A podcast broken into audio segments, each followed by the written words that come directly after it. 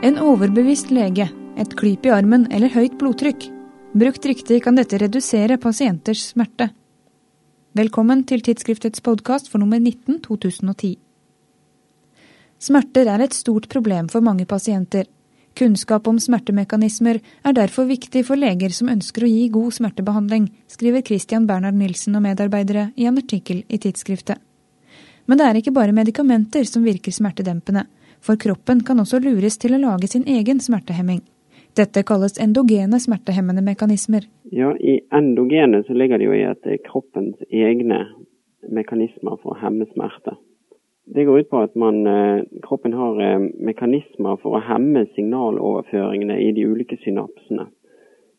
Det er altså først og fremst synapsen i dorsalhårene man har kunnskap om, og det er de mekanismene som eh, vi har fokusert på i artikkelen. Noen eksempler på endogene smertehemmende mekanismer er placeboanalgesi, smertefull betinget stimulering og hypertensjonsrelatert hypoalgesi. Placeboanalgesi er den smertereduserende effekten av en forventning om smertereduksjon. Det vil si at det er helt essensielt at man har en forventning om eh, mindre smerte. Og Hvis man først har en forventning om at et inngrep eller en pille skal ha en smertereduserende effekt, så vil det legge seg på den effekten den pilen eventuelt har. I eh, praksis så kan man f.eks. se at eh, hvis en pasient får vite at en behandling med morfin er satt i gang, så vil pasienten eh, oppleve en større smertereduksjon enn om den samme pasienten bare fikk satt i gang morfinbehandling uten at man informerte pasienten om at behandlingen var startet. Og Denne mekanismen, altså placeboanalgesi, har man funnet ut medieres gjennom det vi kjenner som endogene opioider, altså kroppens egne opiater. Så litt forenklet kan man si at effekten av placeboanalgesi er den samme som eh, det man ser ved behandling med morfin. En annen eh, mekanisme for endogen smertehemming er det vi kjenner som smertefull betinget stimulering. Som man også kunne kalt eh, betinget smertemodulering som innebærer at eh, man kan redusere smerteopplevelsen, eh, f.eks. i venstre hånd, ved å samtidig gjøre noe smertefullt på den høyre hånden. Det kan være at man ønsker å ta en blodprøve fra venstre arm. og Da kan man redusere ubehaget ved den blodprøven ved å eh, klemme hardt på høyre hånd samtidig. Av andre endogene smertehemmende mekanismer, så må jeg nesten nevne hypertensjonsrelatert hypoalgesi. Man har funnet ut at personer med høyt blodtrykk har eh, økt smerteterskel. Det betyr at høyt blodtrykk ser ut til å være eh, analgetisk.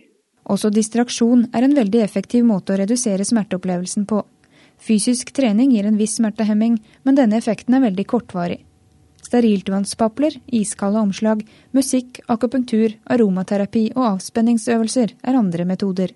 En del av disse metodene har jo en viss smertehemmende effekt, men um, her er også um, mekanismene veldig uklare. Og i mange tilfeller så er de nok uh, mye overlappende med de uh, mer studerte uh, mekanismene. Alle leger som behandler smerter kan ha nytte av denne kunnskapen særlig placeboanalgesi, mener Nilsen.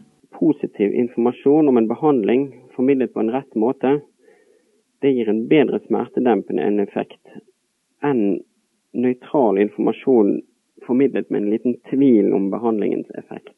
Der har man et etisk dilemma, hvorvidt man eh, skal eh, formidle den tvilen man sjøl sitter med.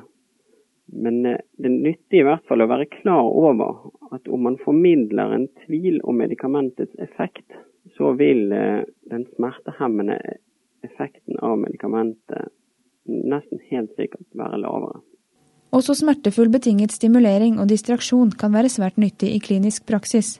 Det sistnevnte særlig hos barn. Ved smertefulle prosedyrer hos barn så er det vel kanskje særlig distraksjon som er mest aktuelt. Det er nok mye brukt allerede i dag. Men det kan f.eks. være um, lyd eller bilder eller rett og slett video samtidig som man skulle utføre det smertefulle inngrepet eller prosedyren. Du kan lese hele artikkelen til Christian Bernhard Nilsen og medarbeidere i tidsskriftet nummer 19. Jeg heter Eline Feiring. Takk for at du hørte på.